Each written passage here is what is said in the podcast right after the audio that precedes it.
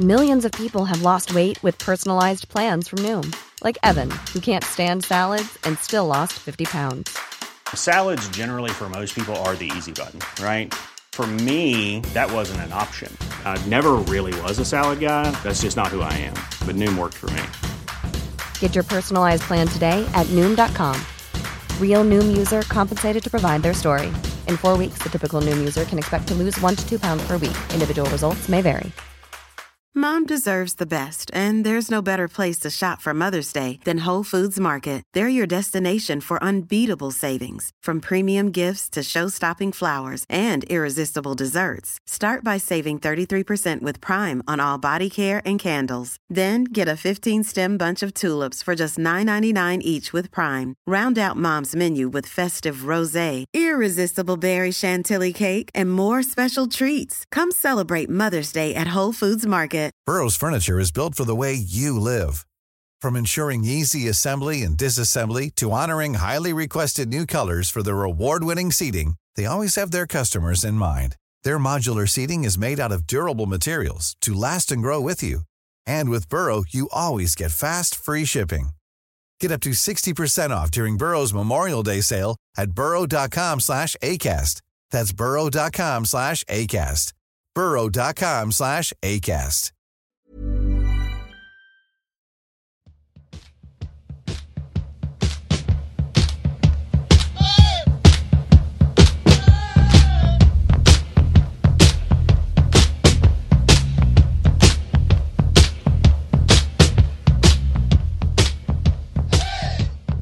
Hej och välkomna tillbaka till Poddplats H, en podd om hockey i allmänhet, sport i allmänhet och Björklöven i synnerhet.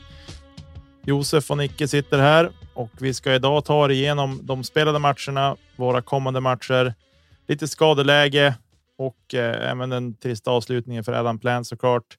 Eh, nämna lite SHL och så ska vi kasta oss in i minnenas allé, för det var ett bra tag sedan och sen avslutar vi lite med övrig sport och en liten överraskning till er. Så, men eh, jag tänker att vi vi krånglar inte så mycket utan vi. Vi kör igång det här på en gång bara. Avsnitt 38. Ja du, det är, det är fredag och så eh, böt vi Västervik hemma och så vinner vi med 2-0. Det sitter ju lite långt inne, men vad, vad är din uppfattning så där bara med några dagars betänktid? Ja, alltså det var ju en kamp. En, en frustrerad kamp hemma i soffan eh, för min egen del. För jag kände som att hur ineffektiva kan vi faktiskt vara på en hockeyplan? Eh, men glädjande var ju att Fredan Andersson var tillbaks i truppen och eh, då tänkte man sig att ja, men det kanske kommer att ge lite energi och så att vi får lite islossning. Men det satt ju som in i ven. Tills det var lite drygt en och en halv minut kvar på matchen Eh, då vi fick ett, ett eh, powerplay och Fitzgerald har ju steppa upp ordentligt i powerplay får vi säga, eller hela vårt powerplay. Men framförallt han har ju laddat bössan och så stängt in 1-0 eh, och sen fick vi göra 2-0 i tom bur. Då. Eh, men jag tyckte att det var. Eh, vi spelade bra tills avsluten egentligen skulle jag vilja säga. Ja, ja, men det, det håller man ju med om jag vill också givetvis också stryka under otroligt roligt att kaptenen är tillbaka, att han är också är tillbaka i lite förtid. Men är inte det alltså, lite från höften och lite som en parentes som inte har just med kaptenen att göra så. Men är det inte ofta så att det är rätt ofta att skadade spelare kommer tillbaka i förtid? Alltså att vältränade människor, säger man att det är 6 till 8 veckor, då är det ofta närmare 6 än 8. Alltså att man, en god fysik ger ofta bra läkkött. Mm. Jag tycker ja, ofta... Men, ta hand om kroppen liksom. Alltså god hälsa gör ju att, att eh, det, det, kroppen läker ihop snabbare. Det är bara så. Den kan lägga all sin energi som den får över kan den lägga på att läka ihop. Eh, så att eh, nej, det håller jag med dig om att det är. Det är eh, eh att god fysik, bra läkkött. Ja, det är då den känslan man har i alla fall. Och, eh, jag menar, all, all rapport man har fått från hans rehab är att han har tränat jättebra och han har, var ruggigt fit nu när liksom han hade börjat läka ihop ordentligt. Jag tycker också att det såg ganska bra ut med både tempo och timing. Det är väl alltid en farhåga annars. Att, ja, men, att, att du är fysiskt hyfsad trim är en sak, men sen så när det är frågan om en eh, ja, men på ett sätt precisionssport som ändå hockey är till vissa delar så blir det en annan sak. Men jag tycker det såg bra ut. Han var ju tillbaka i, i, i gammalt gott slag och kunde ju med lite flyt ha gjort något mål. Men i övrigt i matchen så håller jag med dig. att eh, alltså krutet är blött. Vi är för blöta i avsluten. Sen så måste vi också credda Edvin Olofsson. Vad han hade? Han hade väl nästan 93 procent innan Löven-matchen. Så att, att han är en bra målvakt, det visste vi ju innan. Mm. Eh, så att det är ju ingen... Att, att han står på huvudet är ju inget konstigt. Han är en av seriens bästa målvakter måste man säga. Med, all, med största sannolikhet, utan att vi vet någonting så får man väl gissa att han kommer att plockas upp till SHL nästa säsong. Så att det är en bra målvakt vi möter. Eh, det betyder ju inte att det är okej okay att bara göra ett mål förutom ett öppen kasse. Men vi har en motståndare som sagt och det, det, måste man också respektera. Men jag vill också trycka på faktiskt att vi gör en riktigt bra match i övrigt. Alltså Västervik skapar i princip ingenting. Mm. Så jag tycker att defensivt så måste det lyftas fram. Att, alltså det, det är lätt att peka på att det, det är just så pass vi vinner. Ja, men Västervik, ja, men de hade väl en i översidan ribban väl. Mm. Och det året gör de fin räddning över. Men annars så, det är ju så mycket nu kassaskåpssäkert det kan bli i hockey så tycker jag att det är hyfsat kassa, kassaskåpssäkert bakåt. Jättebra defensiv match. Jo, det är precis. Och det är väl, men det som är oroande, det är just det att ett skott kan vara ett mål. Eh, och det är därför man känner att man vill att vi ska skapa oss marginaler så att vi kan, ja, men vi kan släppa en bakåt. Nu är det kul för Kakan att han fick hålla sin första nolla, eh, men det är någonstans att man vill ju liksom få lite lugn och ro i gruppen och få gubbarna släppa ner axlarna lite grann och kunna spela ordentligt. Eh, men jag tror att det var samtidigt så.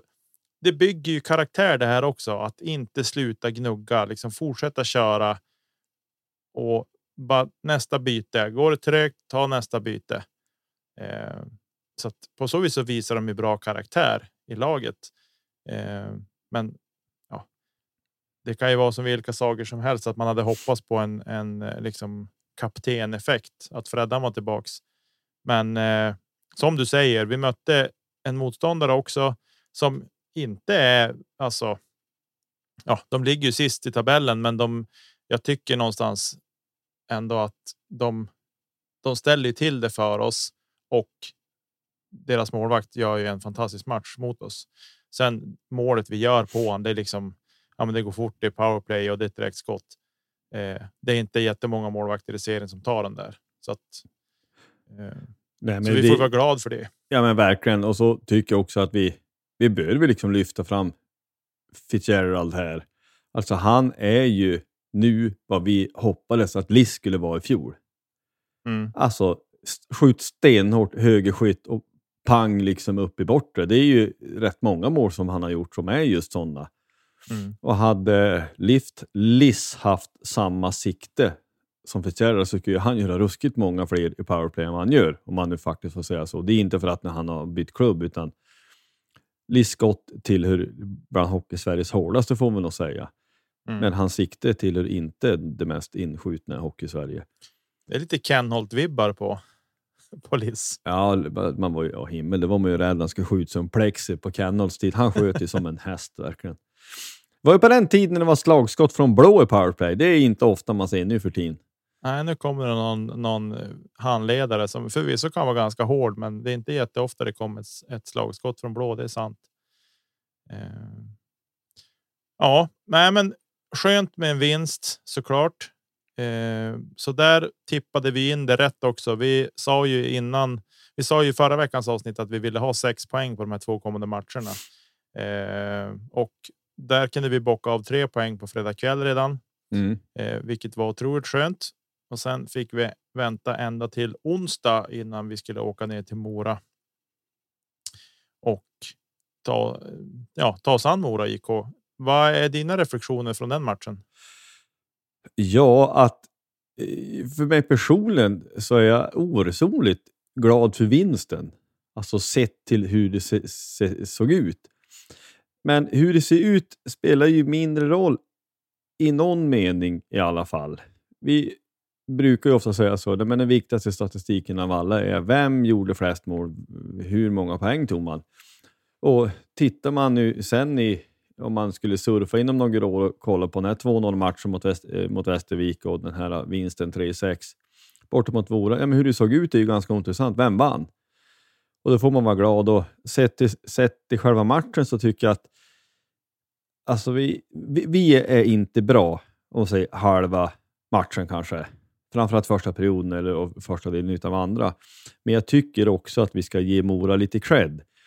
Jämfört med förra matchen mot Mora som jag var och tittade på live, jag hade inte möjlighet igår, så tycker jag att Mora är ju klart bättre. De har bättre fart på rören, de checkar både högre och hårdare och gör ju oss till vissa delar dåligt. Sen är det ju hafsigt. Jag tycker att med slå en passning på bladet kan man försöka göra, men vi blir stressade väldigt mycket i uppspelsfasen. De lyckades störa oss i det här. Vi vill, vill ju liksom snabba spelvändningar, komma med fart inom mittzon. Alla de här klyschorna som ja, fortfarande är sanna fast det låter som klyschor. Så att Mora gör oss till vissa delar dåligt, men jag, jag tycker också att det var ju hafsigt och ja, slafsigt. Och sen så är vi ju till vissa delar också, det kan vi ju inte komma ifrån, vi är störda av skador. När vi inte har fullt lag och man får slänga ihop, det är någon eller ett par kedjor som är hyfsat intakta och sen så får man lappa ihop med det som finns i övrigt. Det, det stör ju oss också. Men vad tyckte mm. du? Nej, jag tyckte jag såg ju live den första eh, halvan som var riktigt, riktigt, riktigt dålig. Alltså att vi klarade oss undan där med bara 3-1 eh, som jag hann se innan jag åkte. Så nej, det var inte vackert av oss. Som du säger, vi vart fastcheckade. Vi vart lite stressade. Vi har ju borta också spelande backar.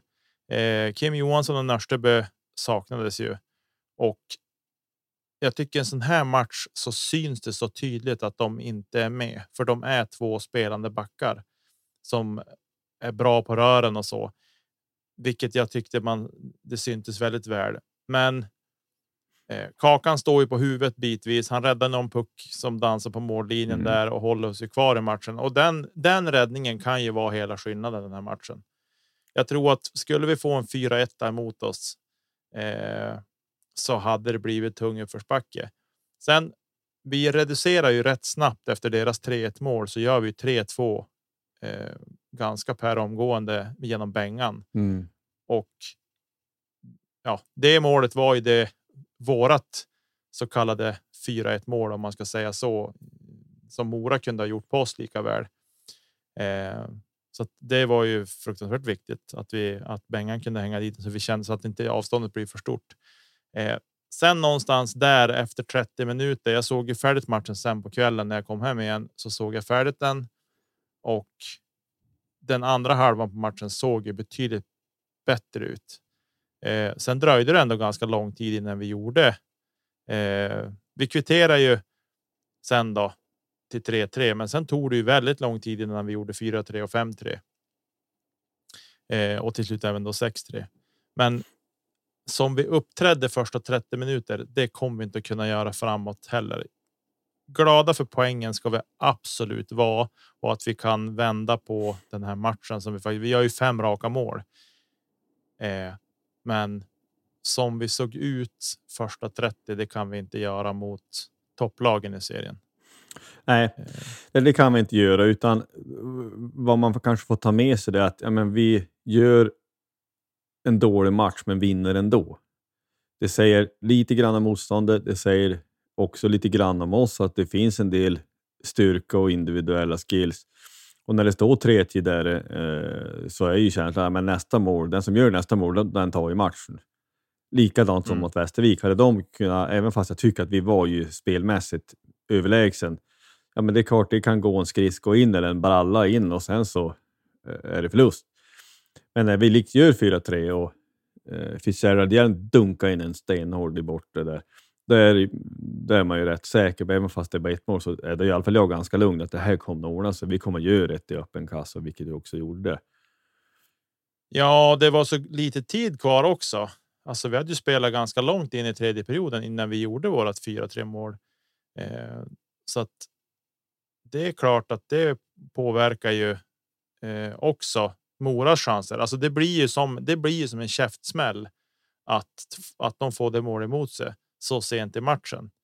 Eh, så att nej, det kändes som att när vi gjorde 4-3 på dem, då kände jag direkt att eh, det här kommer vi att stänga ner. Eh, för så pass duktiga tycker jag vi har blivit ändå mot lite sämre motstånd någonstans när vi har fått gå upp i ledning sent i matcherna så har vi stängt ner dem. Eh, men glada för poängen och glada för sista 30. Det tycker jag vi kan vara sett till den trupp vi har. Ja, så är det roligt att det lossnar lite för Bengtsson. Fyra poäng va? Tror jag. Han. Ja, tre eller fyra poäng gjorde han i matchen. Det kan ha varit tre. Ja, en snabbkoll. Han fick en andra assist på Fitzgeralds 01. Också så gör han ju. Ja, han gör ju sitt sedvanliga öppen kasse så har han. Eh... Och så gjorde han ju. Han gjorde ju 3-2 målet ja, också. Eller, eh, så att jag tror att det var tre poäng han kom undan med. Men ja, tre. Ja, eh, precis parentes, men kul ändå att det lossnar för att det lossnar tidigt för honom efter att han har varit borta ett tag. Mm. Eh, så att det inte ska börja sätta sig i huvudet. Okej, okay, nu har jag varit borta ett tag. Hur länge ska vi gnugga på innan jag får börja göra poäng? Eh, men vi vet ju, är det tomt mål, då vet vi att Bengan kommer att hänga. Ja, ja, han är ju snabb. Nej, men vi fick in sex pinnar på konto precis som vi önskade. Och det är väl lite som man, man brukar säga, men var god skölj nästa match och så går vi bara vidare. Insatsen var inte den bästa och Stråle han var lite lätt. Jag uppfattade att han var lite lätt frustrerad över att ja, vi vann, men det såg inte bra ut. Ja, men det, det, gjorde det inte, men vi, vi tar tacksamt emot pengen och så eh, går vi vidare så att säga spelschemat med nästa match. Men jag håller med dig, 100 procent. Så här kan det inte se ut mot vem som helst. Men det räckte ikväll och så får vi vara glada över det. Ja, precis. Ja, men du, jag tänker att vi lämnar de här spelade matcherna och så blickar vi lite framåt då. Jajamän. Eh, fredag, i, som är idag när ni lyssnar på det här, så möter vi Västerås hemma. En klubb som eh, ja, det har varit en del, eh, en del turbulens runt omkring. Och eh, vi tänkte så här att ja, men vi, vi kan ju sitta och spekulera runt det här, men vi gjorde så här att vi ringde upp Jakob Frankner, en västeråsare som är engagerad också i klubben arbe arbetar lite för dem. Så vi, vi, ehm, eh, vi klipper in det samtalet här.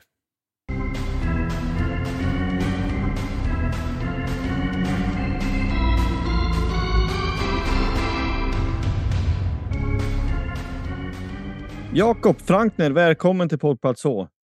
Tack så mycket. Eh, för den som inte vet riktigt vem du är, vem är du och vad gör du? Ja, men jag är västeråsare, eh, inbiten eh, Vik-fan eh, och eh, har ju följt Vik eh, ja, men i stort sett ända sedan jag kom till Västerås. Eh, flyttade dit i tonåren så att jag har följt dem eh, sedan 98 och framåt egentligen. Eh, men än mer sedan uppstartsfasen av Västerås IK eh, i mitten av 2000-talet och, och, mer och mer har varit på. Sen har jag haft förmånen att få vara en del av teamet som jobbar med, med klubben och laget ända sedan 2014-15 säsongen där. Eh, så att eh, så är väl mig. Är fyrbarnspappa, eh, bor i Västerås med min familj och eh, som sagt växlat upp enormt mycket med hockeyintresset och för över det till mina barn mina mm. grabbar och mig på alla matcher och sådär. Men eh, i rollen i klubben så, så jobbar jag egentligen i en bred roll som kallas event speaker och jobbar med konferensärskap och evenemang runt matcherna och eh, eh intervjuar tränarna, borta tränare, hemmatränare inför matcher och i restaurang och lite sådana grejer och jobbar med arrangemanget kan man säga. Men hur är det måste jag säga, alltså att som supporter arbeta med klubben? Är det helt okomplicerat? Nej, det är det ju inte såklart, men Eh, nej, men det väcktes ett intresse, som sagt, i, i, för en snart 20 år sedan att följa lite mer. Sen har det växlat upp hela tiden.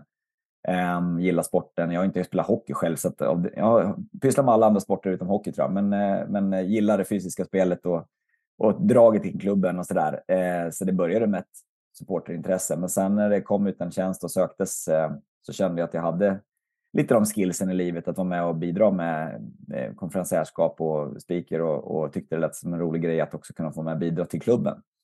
Um, sen är det klart, man, man pendlar ju mellan liksom hopp och förtvivlan i allt. Det gör ju alla människor tror jag när man hejar på något lag eller sådär. Uh, och det kan bli lite mer komplicerat när man också är en del av gänget som, som bidrar. Uh, ehm, jag har haft lite olika roller under de här åren och suttit på kansliet också, men, men nu är jag inte där. Alltså, nu jobbar jag mer renodlat mot arrangemangen. Men, uh, nej, men det är klart det finns utmaningar i det, men överlag skulle jag säga att det är positivt. Jag, jag tycker att det är gott att man också kan vara engagerad på ett sätt som man... Jag tror att varje klubb mår bra av att ha människor utifrån också som inte bara är supportrar. Eh, man måste ju ha professionella människor, så det tror jag nog alla klubbar jobbar med, att man inte bara har, tar in supporterfolk som älskar klubben, även om man ska bygga lokalt. Så är det ju. Men då ställer jag den väldigt allmänna frågan, men hur, hur mår Vik? Alltså, jag tänker då liksom, nu är det direkten ute. Det är ju ingen större hemlighet att det var en viss turbulens runt tränare och så här. Och nu senast så tog man in Robert Nordmark där en sån som jag utifrån tänker jaha, ska man steka upp den där köttfärsen nu igen? Men hur, hur ser du på det då? Pannanens vara eller inte vara, han är kvar. Det ryktades i alla fall om att man aktivt har sökt nytt träd. Hur ser du på allt det här? Nej, men eh, jag tror ju att eh, man måste se allting i ett helhetskoncept. Det finns två saker som sker samtidigt i klubben just nu tror jag. Det ena är att man gör en, man har gjort under flera år en, en, en långsiktig satsning på att bygga upp ett förtroende och bygga upp en, en eh, hållbar eh, verksamhet över tid. Att det inte bara blir lösryckta skott.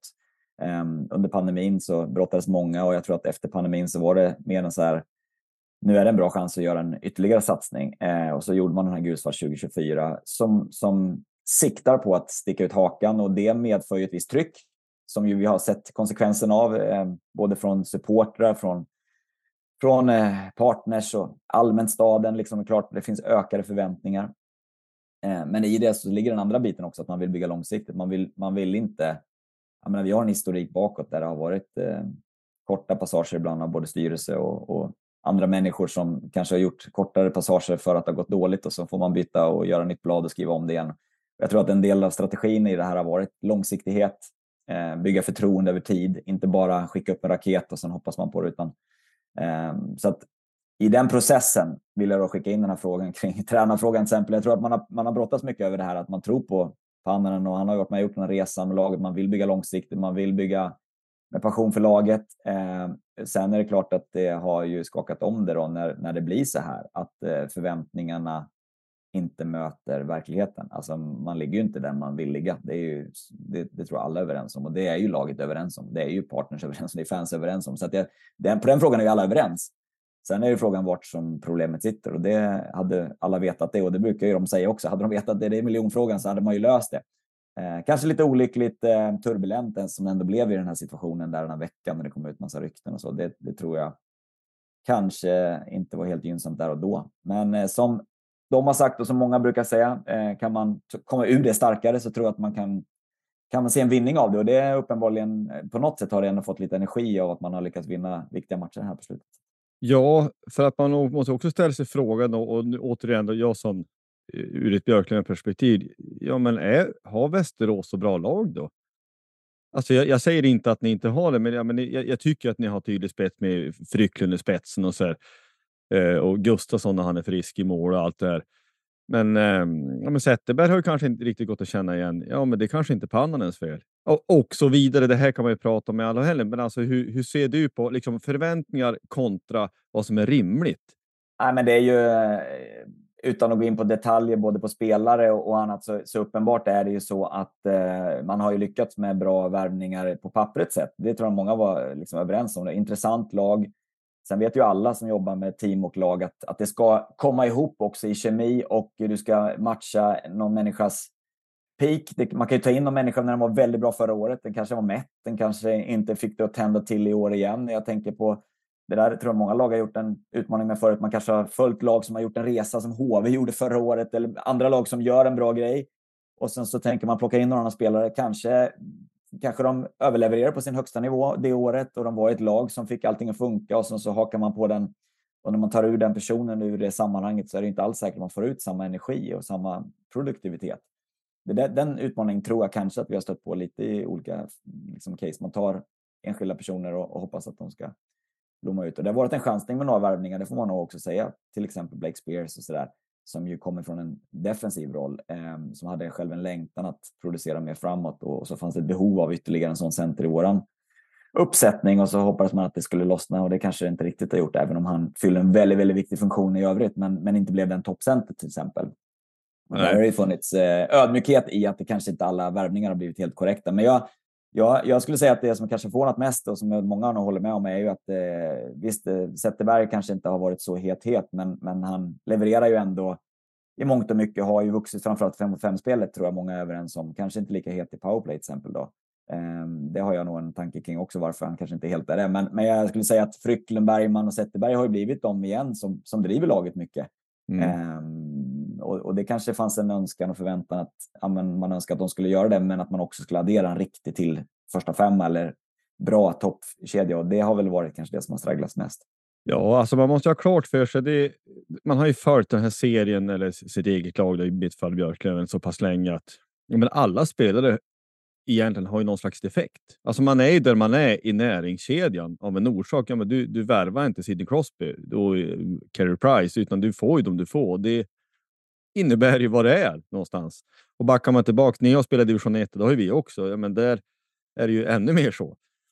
Så, så det är vad det är. Men hur ser du på nuläget? Jag har ju rätt dålig koll på eh, skadeläget till exempel. Alltså hur ni, vi är inte nästan back to back, men alltså nu på fredag och nästa ja. fredag möts vi både hemma och borta. Hur, har ni fullt lag mer eller mindre eller är det hälften som ja, men... sitter på sjukstugan? Nej, men vi har eh, i stort sett fullt lag. Det är ju Blake Spears eh, i dagsläget som, som åkte på den där eh, teckningen. Eh, handen och bröt ju något i, i handen där, som gjorde att han fick gipsa och hålla på och fixa. Så att han, han lär väl vara borta ända fram till nyår tror jag. Om allting är som det följs. Eh, så att, eh, det är väl han man väntar in. I övrigt så, så är väl laget både friskt och krytt. Eh, det var ju en liten eh, bortaperiod både med Bergman som varit sjuk och eh, Frycklund som var skadad där ett tag också. Eh, men, men de är ju eh, tillbaka och eh, utifrån det. Så att sen blir det väldigt sån här, eh, vi är i en fas nu när man gissar att till exempel två spelare ska kanske haka på på JVM. Ian Blomqvist som har varit bra. Eh, och det är en intressant fråga att fundera hur de ska matcha till exempel eh, Jige nu då, för att få honom kanske att komma i form ordentligt och samtidigt vill ju Ian spela och komma i form till JVM. Och, så att, där har de kört ganska mycket jämnt eh, matchande av de två till exempel. Och det, det är väl bra på sitt sätt utifrån situationen att det finns en stor chans att Ian till exempel får dra till JVM. Ehm, så att, eh, men laget är friskt och det blir väldigt spännande med de här matcherna mot Björklöven. Eh, det kan man ju säga med truppen i övrigt att vi har haft väldigt, väldigt heta bra matcher ju under november och det kanske var lite synd att det var så när vi kanske inte hade direkt våran formtopp där utan det var hade kunnat varit väldigt mycket roligare matcher kanske, en del av de matcherna, men när vi var lite under isen en del matcher. Annars har det varit roliga publikmatcher under november månad, eh, mycket som hade kunnat få ett bättre utgång. Eh, och det ligger väl en del i den besvikelsen kanske runt omkring också. Man måste ju säga ändå, för att återgå till pannan, rätt hårt pannben ändå. Alltså för, ja, men det är ja. bara att tänka i våra arbeten att det går rykten på stan att jaha, de söker ersättare. Mm. Ja, men då skulle man väl kanske säga, men vill ni inte ha mig kvar så tacka hej, ni får väl lösa det här själv då. Typ. Nej, men jag, jag måste säga det, jag intervjuar ju Pannan varje vecka och möter ja. honom eh, i flera sammanhang. Eh, jag gillar honom som tränare och person. Jag tycker att han är jordnära. Han förstår läget. Han vet att han är en professionell marknad och, och eh, läget. Han förstår situationen. Jag, jag menar, vi har inte pratat något konkret om, om situationen som uppkom där med de ryktena, men, men han, han förstår ju läget. Han förstår resultaten är det som talar. Han förstår situationen. Jag, han, han är medveten om det, men han, han är också medveten om att han kan göra det han kan göra. Och det tycker jag att han har visat att han, han, han jobbar hela tiden stenhårt och, och fått jobba ännu hårdare under den här pressade men, situationen. Vad är det tänkt att Nordmark ska tillföra? Hur, eller hur, hur tror du man resonerar runt rekryteringen där? Nej, men jag tror att man eh, dels har eh, velat stärka upp det med en lite mera kanske mogen etablerad eh, vis liksom, antal år som har varit med och sett mer. Jag tror att man kanske vill ha ett till perspektiv. Han har både varit liksom, eh, scout och fått eh, se mycket spelare och dels den erfarenheten in i laget kanske, men framförallt sett mycket matcher på en annan nivå. Eh, men också eh, ytterligare få in en röst. Och jag tror att det liksom symboliserar lite någonstans att man fortfarande tror på konceptet med Panaren. Eh, men att man liksom också vill få in någon som kan stärka upp det. Ehm, jag tror inte att det bara liksom blev så, utan jag tror att det, det var kanske så man har liksom tänkt hela tiden, eh, som man har gett uttryck för. Hur stort uppfattar du att tålamodet är nu? Du pratar om den här versionen eh, Gulfart 2024. Ja, men det är 2022 nu. Ja. Alltså hur, hur, eh, Nej, men den här säsongen, hur, är, hur är feelingen liksom? Den här säsongen är helt avgörande för att det ska, för att det ska liksom få ta fart vidare. Eh, alla säger ju, det finns en delad, en del vill se det nu Eh, för att man också sagt att man ska vara med kriga varje år de här åren. Det är liksom inte bara 2024 utan det är ju de här åren och, och så.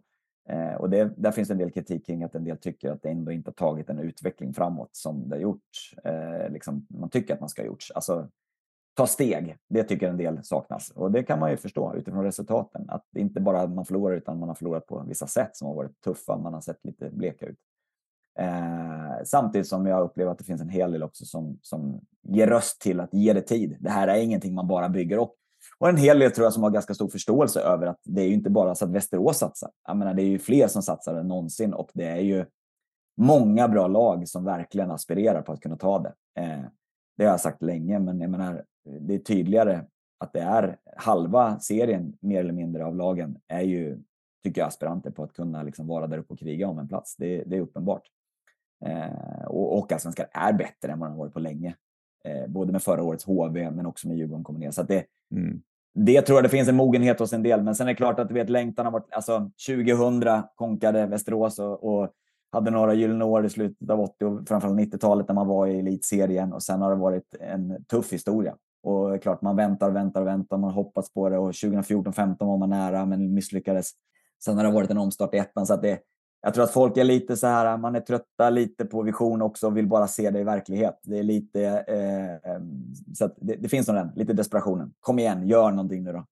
Alltså jag tror att det finns stora likheter mellan Björklöven och Västerås. Alltså vi ja. åkte ur 2001 senast eh, och det är likadant där. Och nu i vårat fall, vi har varit i finaler nära, men ändå inte ja, vi spelar den här ursäkta skitserien fortfarande och mm. man skulle önska att man går upp. Och, där, men där, tror jag nog, där tror jag nog en del eh, känner lite så här, om jag får avbryta där med Björklöven, ja. att, att eh, ni har ju ändå levererat i topp över tid några år nu. Eh, mm. Och även om ni har fallit på, på målsnöret så har ni ändå liksom både lyckats behålla en stomme men tagit in ny kompetens och, och spetsspelare som ändå har levererat och legat i toppligan och som adderat det där ytterligare.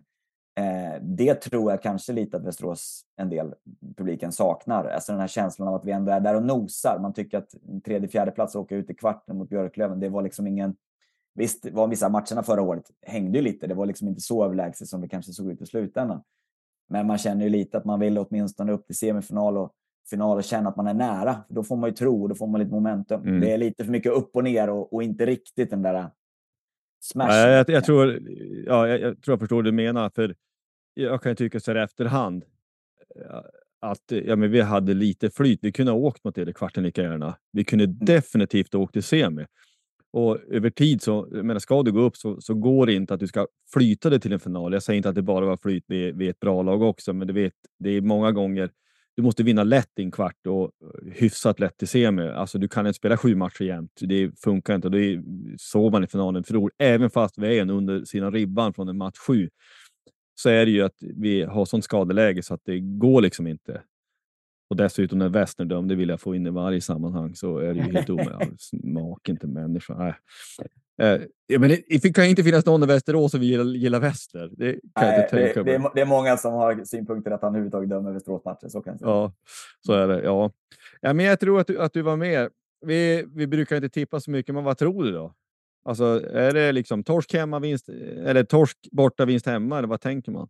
Ja, det är ju spännande. Vi har gjort några sådana matcher ibland på bortaplan. Jag tror att vi gjorde det en eller två gånger förra året va? när vi lyckades nolla er på hemmaplan. Och sen så, det var en ren avrättning vill jag minnas. Ja. Alltså, det var, alltså, nej, men alltså, riktigt, riktigt bra bortamatch. Liksom. Ja. Man behöver inte spela snyggt. Stäng ner bara och kontra. Ja. Så går nej, men vi gjorde, jag tror vi gjorde det både i serien och sen i slutspelet så hade vi en sån. Det var ju den enda matchen vi vann med, mot er borta där. Ja. Nej, men jag, jag, jag hoppas verkligen att vi kan få lite momentum. Det är så klart jag tror. Men jag, jag tror nog att vi vinner en av matcherna och eh, Eh, det får man nog se som en seger någonstans i läget vi är just nu. Att vi måste, eh, man hoppas ju vinna mer och mer och mer, men vinner vi en av de här två matcherna så är det en ganska klar seger. Sen får det egentligen se ut hur som helst just nu. Så känner jag lite. Det är bygga upp förtroende och ja, men lite styrka i gruppen. Så att, men jag tror faktiskt att vi vinner en av dem. Sen om det blir borta eller hemma, det är, skön, det är klart det är skönare att vinna hemma. Det får man nog säga. Det behövs, Västeråspubliken behöver få känna att vi firar och vinner de här lite viktiga matcherna.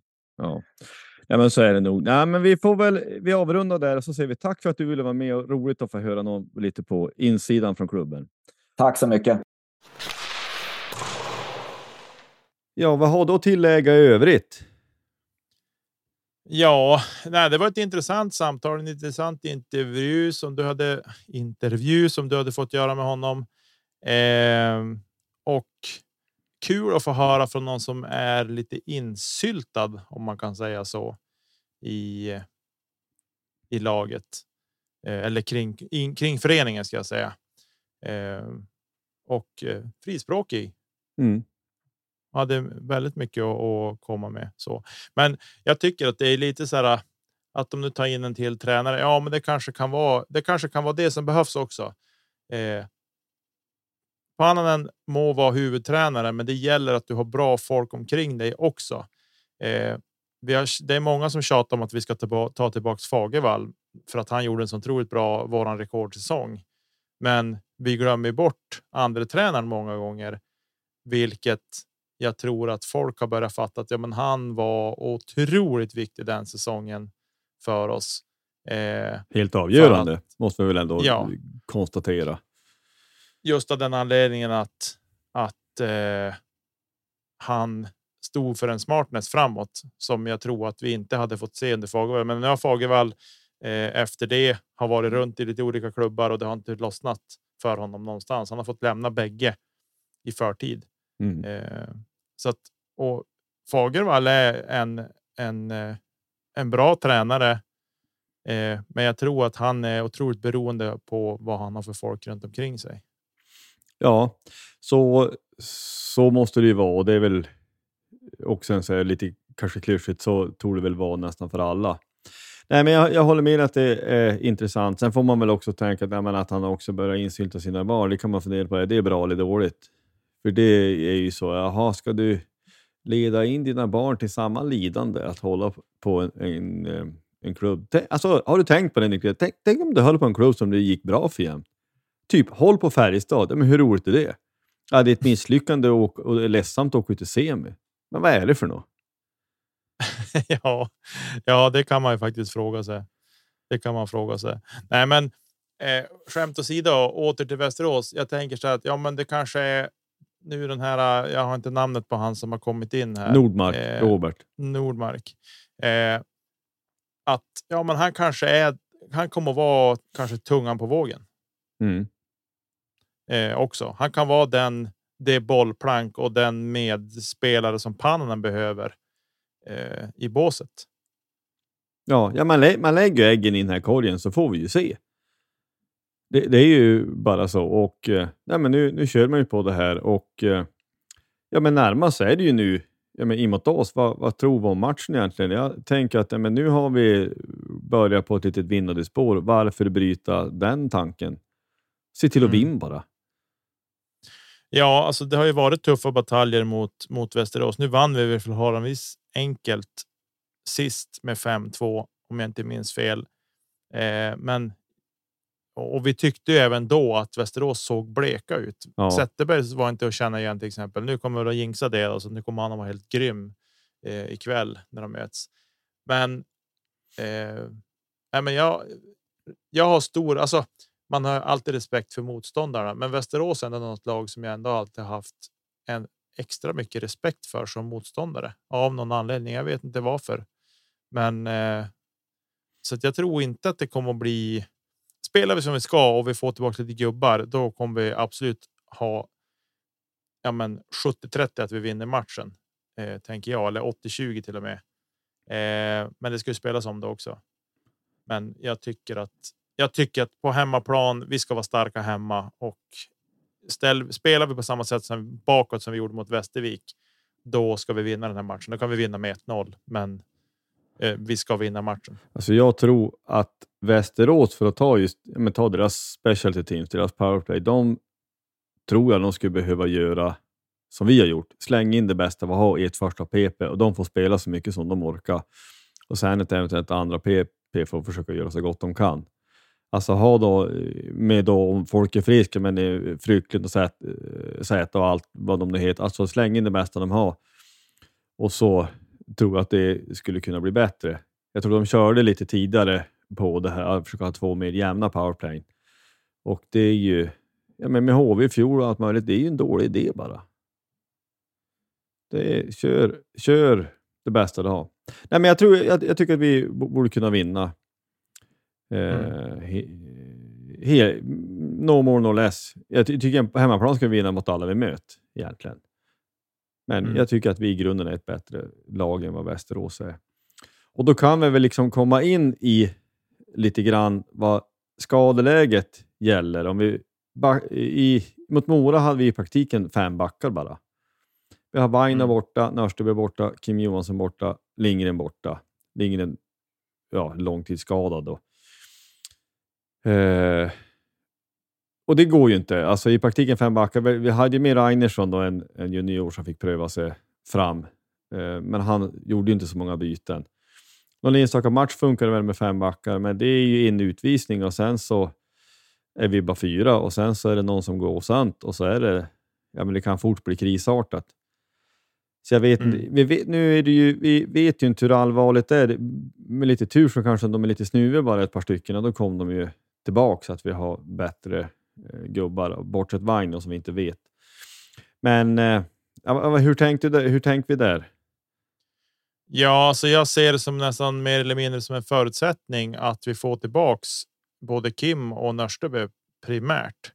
Så klart, jag vill ha tillbaka alla spelare, men men primärt de två känner jag. Eh, och sen vill jag ju få tillbaks Oliver och Postler också så fort som möjligt. Eh, Jakob Olsson räknar inte med på lång tid, men. Jag eh, ser framförallt eh, Nörsteby och Kim måste, måste tillbaks. Vi är för, vi är för sårbara bakåt. Ett annat problem som jag tycker också att nu har vi ju. Bara. Bedouin som är rightare på backen Mm. och jag tycker att det är många gånger man ser alltså. Jag upplever att det är ett problem med anfallszon. Att vi på våran högersida i anfallszon kommer in som leftback, att vi får spela på backen hela tiden. Ja, det är man ju, Eh. det är man ju rädd. Jag menar, att, ja, men nu kommer de att chippa en packout typ varje gång. Ja, eh, och det känner jag inte. Alltså, jag, det, det, jag tycker att det är ett problem. Eh, så ska vi värva några backar, då måste vi in med några med några rightare. Så är det bara, och det är därför man så här hoppas på Vainio. Men alltså han, det är ju rysk roulette varenda gång han kliver in på isen igen. Hur länge spelar han den här gången? Tyvärr. Eh, Ja. men vi får ju hoppas att han kommer tillbaka så snart som möjligt, för jag tycker att det är. Vi är sårbara bakåt när vi har så få rightare på ja. backen. Ja, vi kan ju också säga att Kenta hade ju någon uppdatering på Solid Sport-kanalen. Men Den var väl ganska tillintetsägande på något sätt. Ja, man räknar inte med Olofsson före jul, så förhoppningsvis efter jul. Ja, men när efter jul? Och vilken jul? 2023? 2024? Alltså, Mm. det blir någonstans, alltså, det är bra att vi, vi vill inte låta för gnälla för kritisk, men jag tycker att man skulle kunna säga lite mer än vad man gör. Att ja, men som vi alla har sett så, så är det hjärnskakning och, och bekämpa på med järntrappan. Du behöver inte säga, säga något mer. Du behöver liksom Mm. inte säga att ja, men det är mellan fotsbenets ligaments övre del. Alltså, det behöver inte vara så detaljerat, men lite grann kan man väl säga ru- runt skadeläge. Man, det blir en uppdatering som inte säger så mycket och, och på ett sätt är det väl, det har vi väl sagt förut kanske, att det är bra att man inte säger så mycket. Men å andra sidan så tänker jag inte mot oss supportrar och kanske gentemot sponsorer också, att lite transparens, lite mer transparens kanske inte skulle skada. Mm. Jo, det är det man känner att man saknar ibland också. Sen är det klart att man behöver inte berätta allt att jo, men han, han har ett ligament i foten som är trasigt. Det är klart att en spelare som som vill sätta ett lag i balans jagar ju den där foten då Mm, eh, i ett motståndarlag. Det är ju inget konstigt i sig så, men. Eh, nej, det är lite frustrerande på informationsflödet ut eh, ibland så, men det är ju. Alltså, man tycker varje varje augusti sitter med. Men nu, nu har vi byggt en stabil Mm. trupp. Det här ska inte gå sönder. Och så går vi hinner vi tre månader framåt, så då, nej, då är vi trasiga eller fyra månader nu då. Nej, då har vi borta fyra backar, fem backar och så är det sex forwards som är skadade eller liksom inte spelar för de är för dåliga eller vad det kan vara. Alltså, det är så otroligt frustrerande. Eh, man undrar om det är något fel på ventilation i hallen så att de inte läker ihop ordentligt eller att de går sönder så lätt.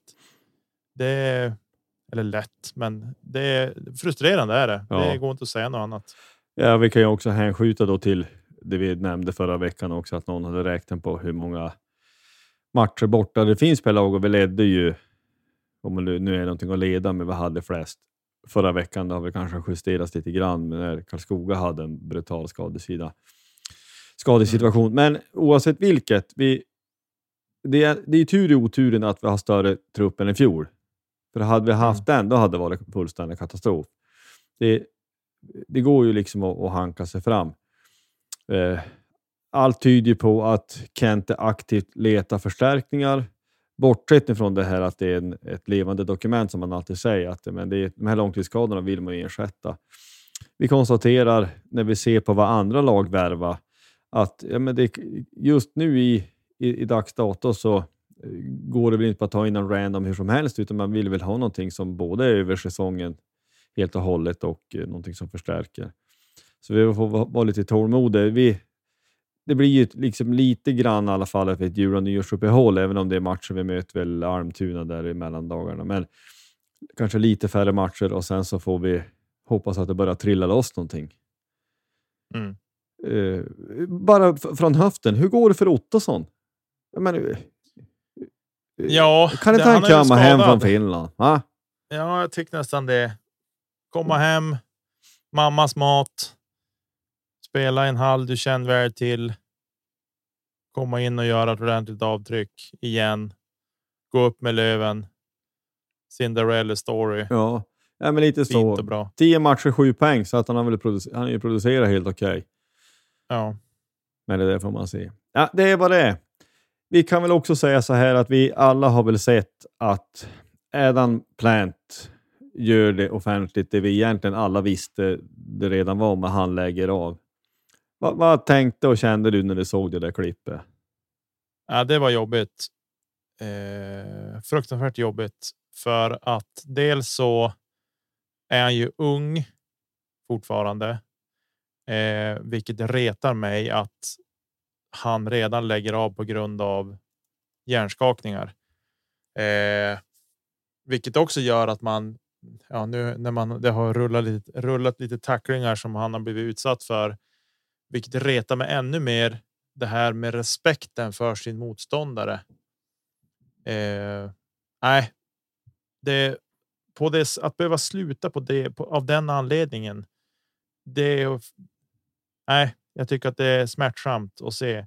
Det var ett fint avslut tycker jag. Jag tycker att han, alltså på så vis så tycker jag man får. Man får ändå någon sorts känsla att han är ju vid god vigör om man mm. kan säga så. Liksom eh, att han liksom ja, man upplevde inte att det var några problem med honom så, vilket man får vara tacksam för. Han har ett långt liv framför sig förhoppningsvis och.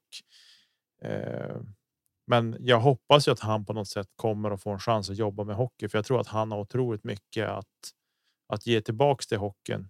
Eh, trots att han inte är så gammal, men jag tror att han faktiskt har massor att kunna ge till hockeyn. Eh, så att, eh, men otroligt smärtsamt och, och, tråkigt, men ändå på något sätt ett fint avslut tycker jag han har gjort. Ja, eh, men han, han såg som sagt, han, han kunde ju prata så här och samtidigt han ser ju lite, kanske lite magrare ut, vilket är fullt naturligt när han inte kan träna. Han förlorar väl lite muskelmassa och på det sättet. Ja, det var, jag tycker också det var skitjobbigt. Eh, jag menar människor som inte får sluta på sina egna villkor utan får göra det på grund av vad andra har gjort mot honom. Eh, och det ska ju sägas också, han eh, han var ju helt grym i fjol, det matchen han spelade. Han spelade 22 matcher, han är plus 21. Han... Eh, riktigt, riktigt bra spelare. Ja.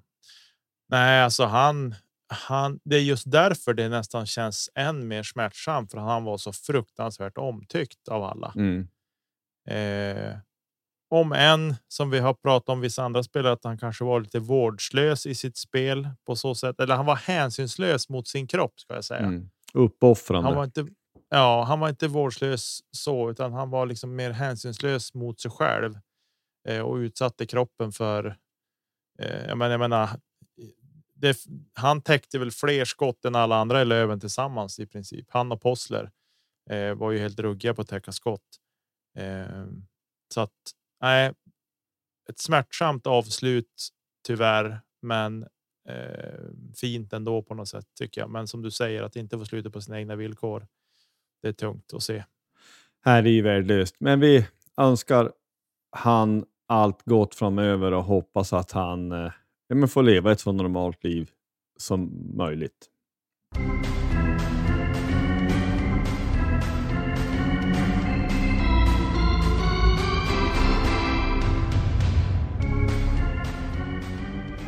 Vi tar ett SHL-svep. Det blev så här i helgen att jag hamnade på Färjestad-Timrå. Jag blev eh, bjuden av några kompisar att följa med där. Fick biljett, annars så vet jag inte om jag hade gjort det. Men det är, hockey är ändå kul. Och det lite grann knyter ihop lite med Adam Plant i och med att vi mötte Timrå. Och det, det är klart att det, det är både en sorg men även en men en, man blir ju arg man ser ändå som Valle Walterholm glider omkring på en SHL-is. Man också vet att han har satt en axel i huvudet på Adam Plant blindside. Som har varit en del av varför man har skickat honom till hockeypension. Det, det känns ju inte bra. Mm. Eh, det måste man ju säga. Och både han och även Hartman är ju rätt begränsade hockeyspelare. Så ser de glida omkring på en SHL-is. Det känns ju... Ah, det känns retat. Det, det, det är ju också stygn som ligger kvar den från den där snabla finalserien när vi, vi har ju plus på Timrå så länge vi har friska lag. Och efter covid och när Dalert inte spelade med den säsongen då till exempel, men då är vi ju helt körda den finalen sen. Mm.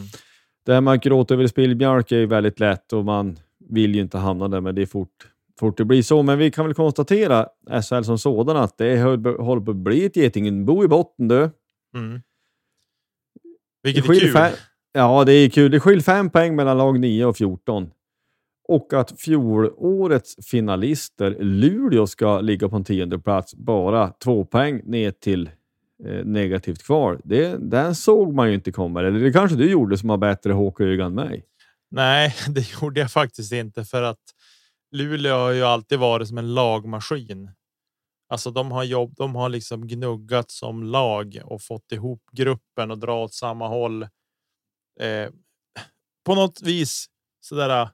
Ska inte ta något ifrån lagen i södern, men alltså på något sätt lite norrländskt så att det här gör vi tillsammans. Eh, och. Men nej, jag trodde inte att de skulle. Alltså, de är topp sex för mig. Mm. Eh, och har ju varit så de senaste säsongerna också. Men att de skulle att de är där nere nu. Äh, lite oroväckande, men vi ska komma ihåg att Färjestad var kanske inte riktigt så långt ner i fjol vid den här tiden, men de hade det också tufft i fjol på hösten. Men de kommer tillbaks och sen tar de SM-guld till slut. Eh, så att ja, nej, vi får väl se. Det kanske blir. Det kanske blir Luleå som tar SM-guldet i år. Eh, eller ja, till våren då. Men eh, nej, att de skulle ligga så långt ner, det trodde jag inte. Nej, man har ju svårt att se att de ska hamna i kval. Den saken är säker. Nej, men för att eh, liksom, eh, återgå eller återknyta till matchen Färjestad-Timrå. Färjestad vinner på straffar. Måste man också säga Ejdsell, Viktor, vilken snabel avslutare han visst på pucken. De, de sätter ju varsin först där om man börjar bakifrån. Varsin straff och sen så ja, missar de eh, liksom fram och tillbaka lite och sen så är det som att han ledsnar till. Äh, men okej, okay, då tar man visp upp, vispa upp pucken i kryss och sen så far vi hem.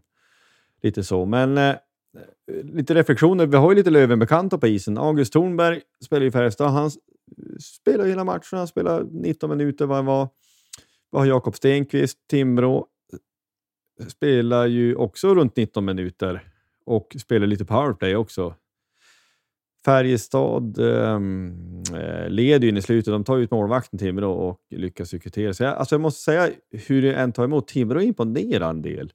Alltså de gör en ganska bra bortamatch. Färjestad har mycket mer puck och allt det här, men man behöver inte spela snyggt. Och de har ju en alltså Anton Lander, Jonathan Dahlin. Alltså, de har ju ett par spelare som är fruktansvärt bra. Sen hjälps det ju inte att det är ju roligt att se att Per Svensson på en hockeyis som inte är hockeyallsvensk gör eh, riktigt bra ifrån sig. Han spelar rejält och robust och jag, sådana spelare som vet vad de kan och inte kan. Ja, men du vet, ska vi slå sju plex ut på raken, då gör vi det. Vi gör inget fancy pants i övrigt, utan vi spelar, spelar stabilt och säkert. Mm. Kul att gå på hockey. Det var varmt kaffe, massarinen smakar bra. Men eh, det finns ju något emot den att ja, men, vi borde vara där, men vi är inte där. Och samtidigt så tycker man SHL är så superplastigt. Mm. Och går man tillbaka i historien, men vi slog Färjestad i en SM-final 1987 och sedan dess har de väl vunnit så åtta guld till eller något sånt. Mm. Medan vi har inte tagit åtta guld till. Alltså man har gått olika vägar. Eh, kul att vara på hockey, men det finns någonting själlöst i SHL som man inte gillar och ändå vill man dit. Ja, det där lät... Det är lite moment 22. Ja, nej, men det blir lite konstigt. Eh, det är intressant att, att det, som sagt, och det blir lite rörigt här, men det är in, intressant i botten. Malmö ligger sist nu, HV71 ligger näst sist, men sen har de ojämnt antal spelade matcher. Rögle är där nere, det trodde man ju inte heller. Nej, Mer naturligt att Oskarshamn har man ju tänkt om på lånad tid. Men eh, i, i toppen tuffa Växjö på. Eh, Skellefteå vann emot Malmö ikväll då jag såg lite av den matchen och det är ju Malmö är ju rädd för att förlora helt uppenbart. Alltså de leder ju flera gånger och eh, man tycker att de borde ju kunna knyta med, men det gör man inte.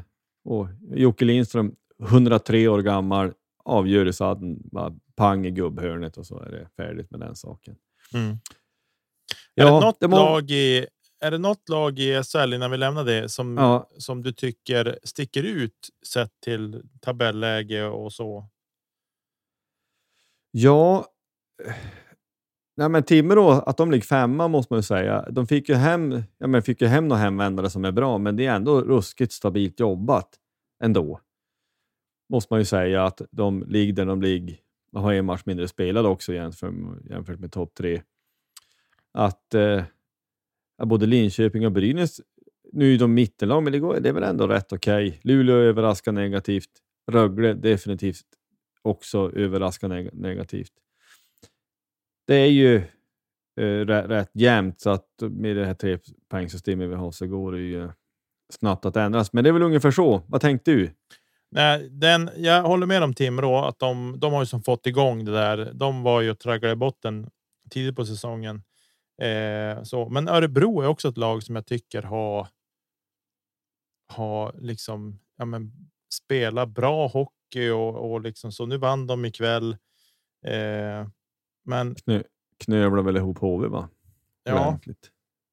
precis. Vann borta med 7-4 eh, efter en ja, stark andra period får vi väl ändå säga där de liksom utökar sin ledning ordentligt.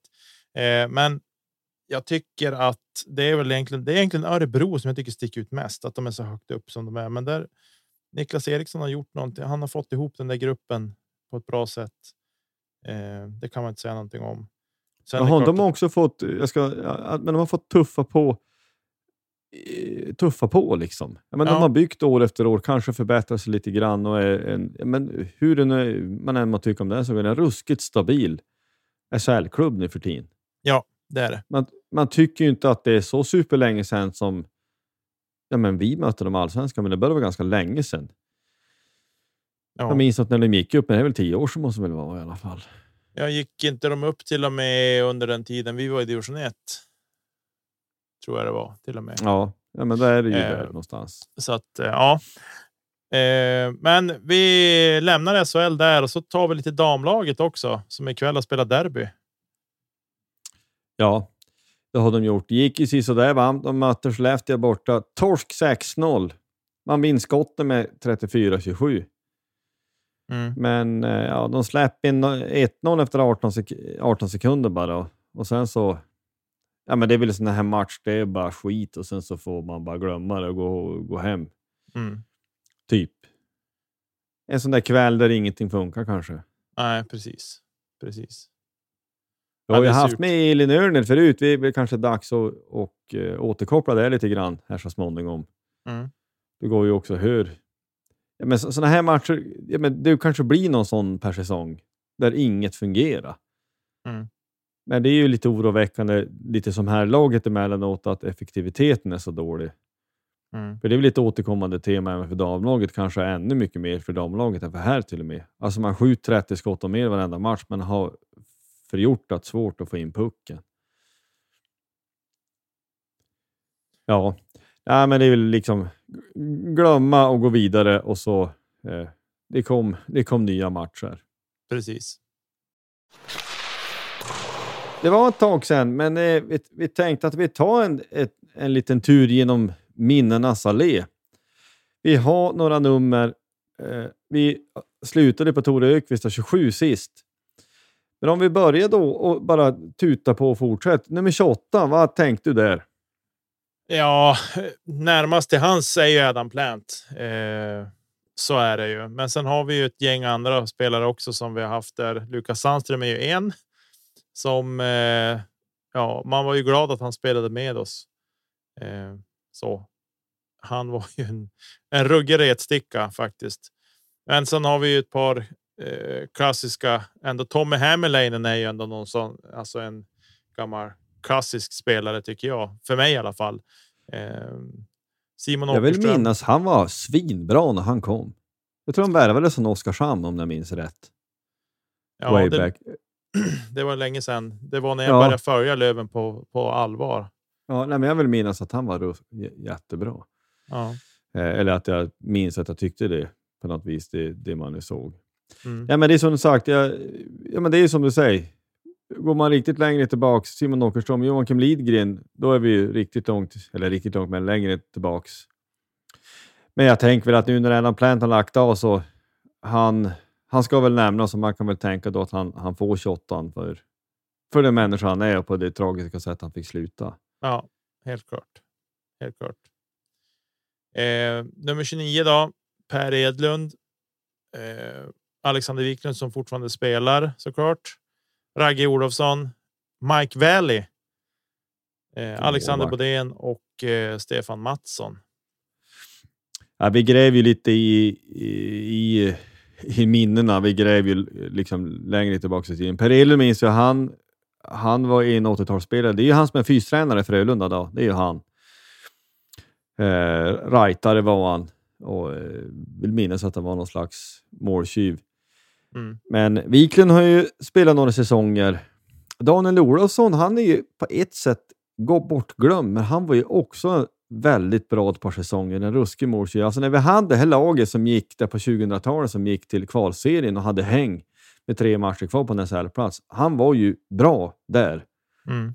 Tillsammans med nämnde Davidsson och eh, vi, det var som att vi tog Piteås bästa några stycken där. Vi, vi hade ett rätt bra lag där. Mm. Helt Eh, klart. där ett tag. Mike Välle, det var en sån här klassisk eh, faxvärvning som Linerud och Slättvold, liksom de, de bläddrade i någon katalog och faxade. Vet. Eller var väl någon, en tidig version av internet när du fick ringa på telefon. Det var doink, doink innan du hade kopplat upp det. Nej, Ja. men vad säger vi? Jag, jag, både Wiklund och Olofsson, men alltså jag tänker Wiklund, man är ju svag för spelare som spelar idag och som Mm. också man tycker känns lojala över, tid. Ja, jo, nej, det håller jag med om. Och han känns som en, en bra människa också. Så de poddar man har hört honom i och, Mm. och så där och de intervjuer man har sett med. Så nej, en bra människa också. Helt klart. Eh, Alexander Bodén som sadlade om till innebandy sen och gjorde ett par säsonger på i högsta nivå i Sverige eh, i innebandy. Men eh, inget som inget så som som kittlar eller kopplar för mig så sett till nummer 29, utan det som du säger. Alexander Wiklund är väl det som känns rimligast. Ja, och sen så måste man ju säga att en- en människa som jagar också, det ska ju premieras. Äger du klass 1-vapen då, det, det, det gillar poddplats H kan jag säga. I alla fall i 50 En- procent. Ja, precis. Ja, nej, men vi kan, oj, kan lämna det så. Och 30 och 31, det känns ju båda helt givna. 30 Göte Välitalo och det kan inte vara, bli någon annan och det kan inte heller vara så många andra som har haft 30. Jag har inte grävt och letat något mer. Men den tycker jag känns given. Jörgen Wikström känns för mig 31.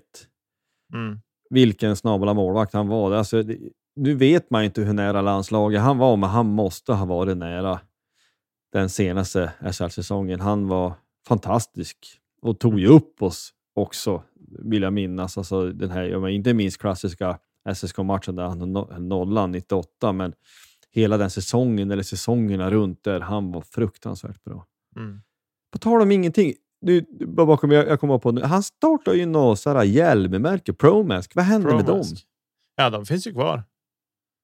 De Är han kvar. engagerad än? Vet du det? Det vet jag inte. Jag satt faktiskt och funderade på det här om dagen. Eh, så, men de, är ju, de har ju blivit stora på innebanden också. Målvaktsmasker på den fronten och det förstår man ju. Alltså, det är inte bara hockeymasker de gör och jag vet inte hur mycket det skiljer heller mellan innebandymaskerna och hockeymaskerna. Jag, de, jag kan tänka mig att innebandymaskerna är ju tunnare såklart. Eh, En innebandyboll väger ju lite och ingenting jämfört mot en puck. Eh, och det är väl insidan framför allt som det är stor skillnad i så. Men jag vet inte vad han har för anknytningar till Promask idag. Det vet jag inte faktiskt. Nej, jag kom bara att tänka på det när vi pratade Jörgen Wikström. Men en fantastisk, eh, en fantastisk målvakt det också. Mm. Eh, båda från Kiruna va? Tror jag. Göte är definitivt det. Jag tror Wikström är det också. Ja. Vi lär ju bli rättade om vi har fel. Vi tar det lite på, på volley. 32, då har vi ju en annan målvakt men i, som spelar nu i Östersund, men som eh, gjorde någon säsong hos oss, Isak Mantler. Han gjorde inte lika stort avtryck. Nej. Faktiskt. Eh, men det är ju han och så är det väl för mig i alla fall så är det ju Bosson som eh, jag kom att tänka på primärt. Ja, Eh, ja det är så. Vi hade ju en, en äh, längre tillbaks en, en kille, Pasi Pet, Petrileinen, född 78. Men han eh, gjorde ju bara några matcher. Det är lite, lite kul att kunna gräva fram en sån snubbe. Eh, men eh, nej, men det, det får ju bli Boston. Det väl också, vi börjar ju komma in på nummer där det inte finns lika många att välja på. Mm. Eh, för jag menar, Boston han gjorde väl bara en säsong också. Mm, ja, Mm, men eh, ja, det är lite, lite tunnare där. Det vi, vi babblar på. Det är ju några nummer eh, som som sagt är, är lite tunnare runt. 33 har vi haft lite fler. mm. Eh, ja, Jimmy Blix, Nico Haltonen, eh, Wennerberg hade väl det också, Jens Ledin. Messi Jonsson. Va, vad säger vi om de här gubbarna? Det är ju hyfsat närtid, flera stycken. ja, det är det ju.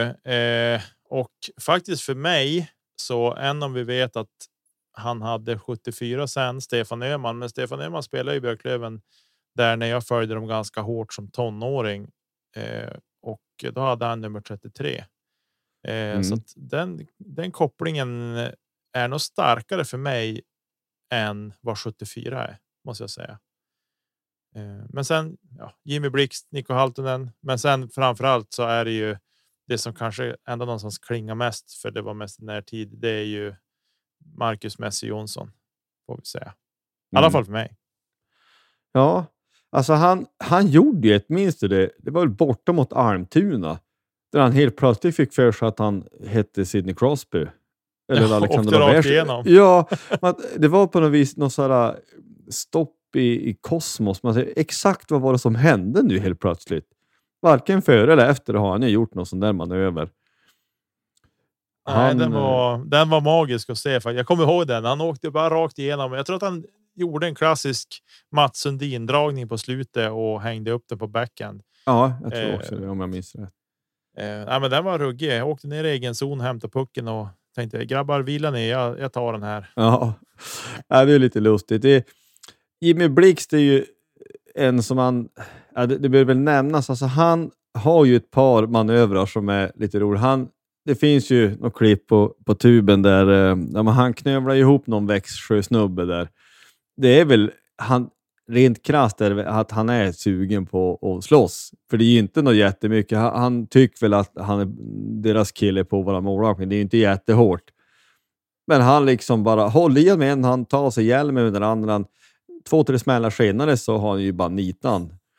Det, och det är ju lite, man ska väl inte tycka våld är kul, men det är ju ändå lite roligt. Sen så minns jag ju att han gjorde mål i ett derby mot Skellefteå. Faktiskt stenhårt liksom i, i bortre. Eh, liksom på, ja, det blir på stötsidan, för om jag minns rätt så kom han på vänsterkant och så sköt han då direkt till och med tror jag det var. Det man var vill med den saken, men det finns ju ett annat klipp på Jimmy Blix superfint där han helt oprovocerat bara ramlar omkull när han åker skridskor. Så det, det var sådär va. Eh, det fanns lite allt möjligt runt honom. Men han har ju också varit ledare i klubben och det får vi vara tacksamma över. Eh, oavsett vad man tycker om resultatet. Mm. Så har han i alla fall försökt hjälpa till. Nej, men eh, Marcus Jonsson, det är ju, han känns 33. Och även Stefan Öhman som du säger, men eh, det är några, några som vi minns i alla fall. Så Nummer 28 till 33, minnena så lever. Vi gick en liten stund där i alla fall. Vi kanske går vidare. Vi knyter ihop med lite övrig sport. Det drar ihop sig och det är slutspel i fotbolls-VM. Jag ville försöka se någon minut, men alltså jag, jag må vara politiskt korrekt eller någonting annat, men alltså det här, alltså att fotbolls-VM går i Qatar, det pajar allting för mig. Det är mm. bara så. Mm. Jag, jag, jag klarar inte av att se det. det Nej, jag, jag tycker att det, det är... Nej, jag ser, jag ser ju. Jag kan se, jag kan titta på det ifall barnen ser liksom så. Eh, men jag, det är inte så att jag sätter mig så. Åh, nu är den här matchen att jag sätter mig och måste se den. För att hela tiden så pratas det ändå någonstans ändå. Om de här äh, vidrigheterna som har pågått där. Ja, men alltså det är ju också Fifa är, eller har varit i alla fall, men förmodligen kanske är nu också till vissa delar, en sån korrupt organisation. Alltså man har tagit det finaste som fotbollen har och besulat det så fruktansvärt och placerat VM på ett ställe där fotbolls ska spelas. Ytan är väl stor som Skåne till att börja med. Mm. Och sen har man liksom slavarbetare som bygger ett antal arenor som inte kommer att användas. Ja, men det, är, det är så dumt så att det går inte att tala om. Mm. Sen så kommer jag se VM-finalen. Ja, men det är väl klart jag kommer göra det. För, ja, förmodligen i alla fall om inte Löven spelar samtidigt eller någonting sånt. Men det, äh, jag tycker att det är frustrerande. Däremot är det mer glädjande att um, Simba Sports Club vinner en 3-0 enkelt mot Coastal Union. Det tänker jag, det måste ju glädja de flesta ändå. De, de tuffar på där i tanzanianska högsta ligan. Ja. Sen så har ju den svenska fotbollen, ska jag bara säga också, att har ju sin silly season nu, som vi har på sommaren, så att det ska bli intressant att se hur eh, med Degerfors eh, det gör. Där är ju så otroligt mycket tydligare, eller det är lika tydligt som vi har inom hockeyn. Man är där man är näringskedjan och försöker hitta fynd där inte andra hittar. Mm. Eh, jag såg att spelschemat börjar komma ut, i alla fall vilka helger. Och Degerfors kommer att börja borta mot Hammarby och lättare matcher kan man ha. Men har jag tid så kommer jag nog fara se på den kanske. Mm. Jag var på seriepremiären den här säsongen som också var på samma arena på Tele2 då borta mot Djurgården. Det var ju en, en upplevelse, så det, det kommer ju i så fall att, att bli kul. Mm. Men vad har du någon övrig, övrig, övrig idrott som du tänker att det här borde vi nog prata lite om ändå? Nej, vi kan väl ta lite lokal sport. Eh, det var derby eh, i onsdags kväll mellan IBK Dalen och Thorengruppen i herrarnas SSL och där hemmalaget Dalen vann med 4-3. Gjorde mål alldeles i slutet med 30 sekunder kvar eller någonting. Thorengruppen hade ett frislag i ett bra läge, men slarvade bort det och Dalen kontra in den.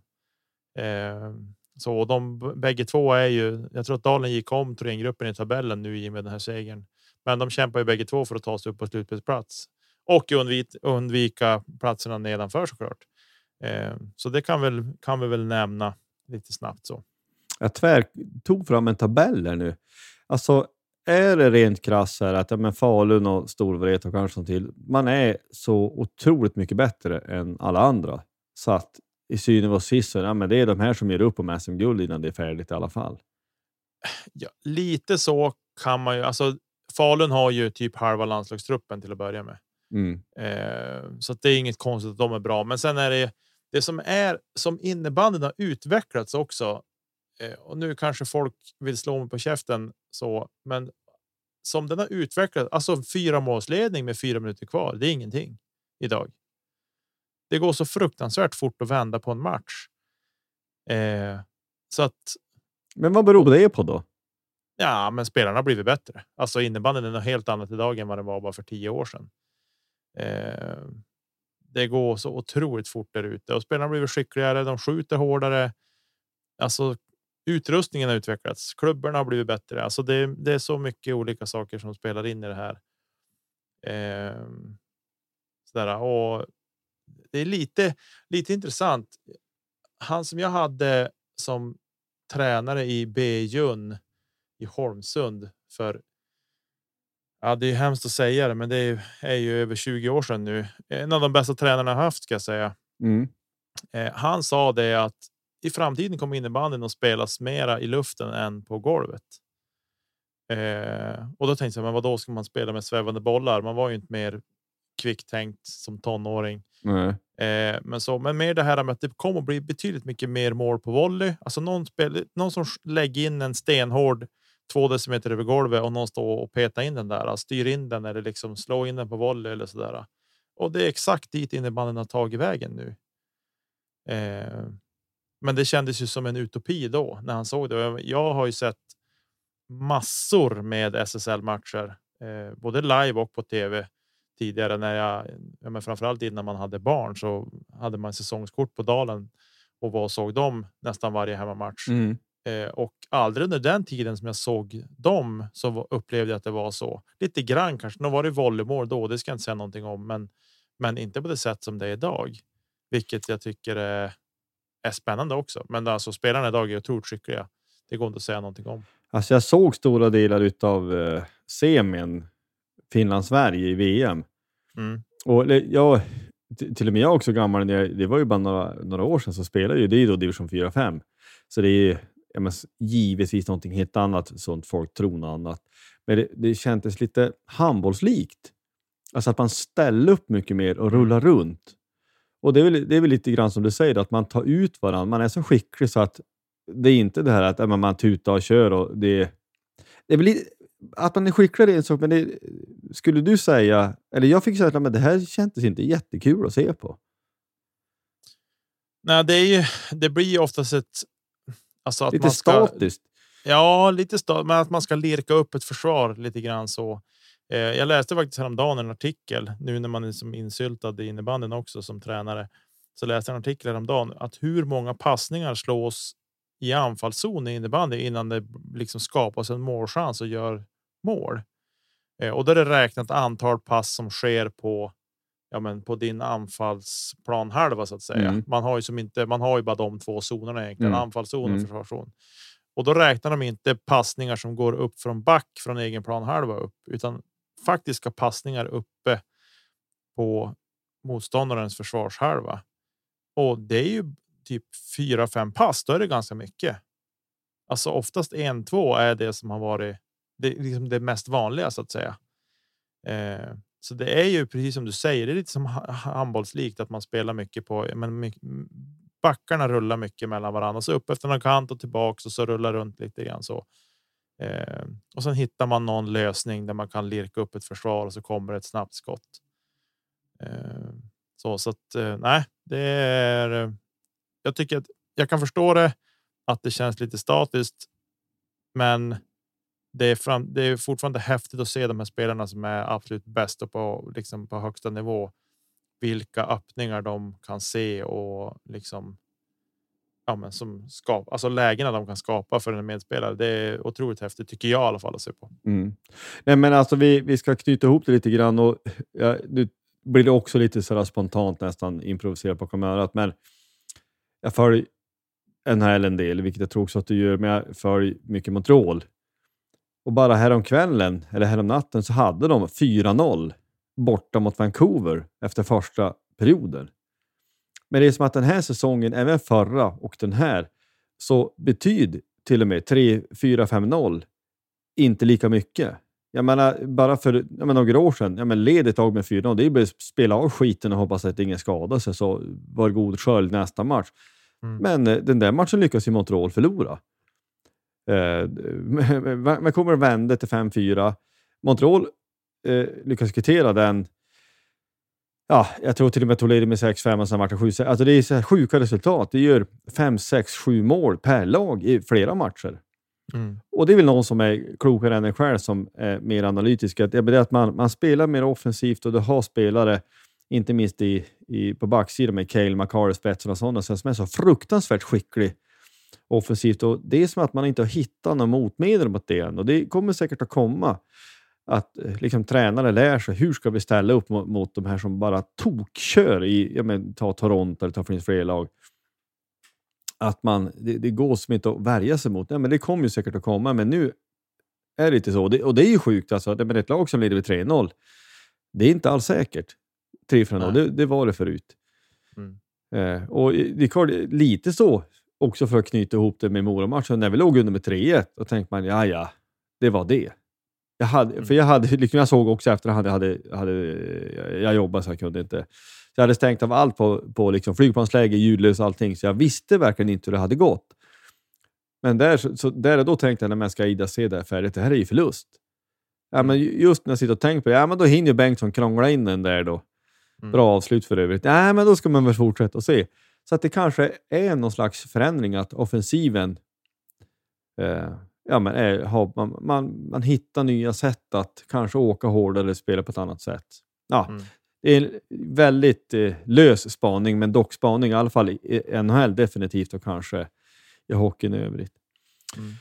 Ja, nej, men vi kan väl säga så här. Tack för att ni lyssnade. Om man vill försöka nå oss Niklas, hur gör man då? Ja, men det går ju bra att mejla oss primärt, tänker jag. Mejl är alltid, tycker jag, då får man verkligen kontakt med dem som vill ha kontakt med oss också. Eh, och det är enkelt med poddplatsh.gmail.com. Och sen finns vi i sociala medier också där man kan nå oss både på Facebook och på Instagram och på Twitter. Ja, precis. Och ni får... Um, när, vi, när vi är på matcher får ni, det händer ju ofta att ni, folk kommer fram och pratar med oss. Det gör vi jättegärna. Eh, input och allt vad det, vad det är man vill ha. Nej, men jättekul att ni lyssnade. Jätteroligt att ni var med. Vi säger Forza Löven och eh, så hörs vi nästa gång. Hej då!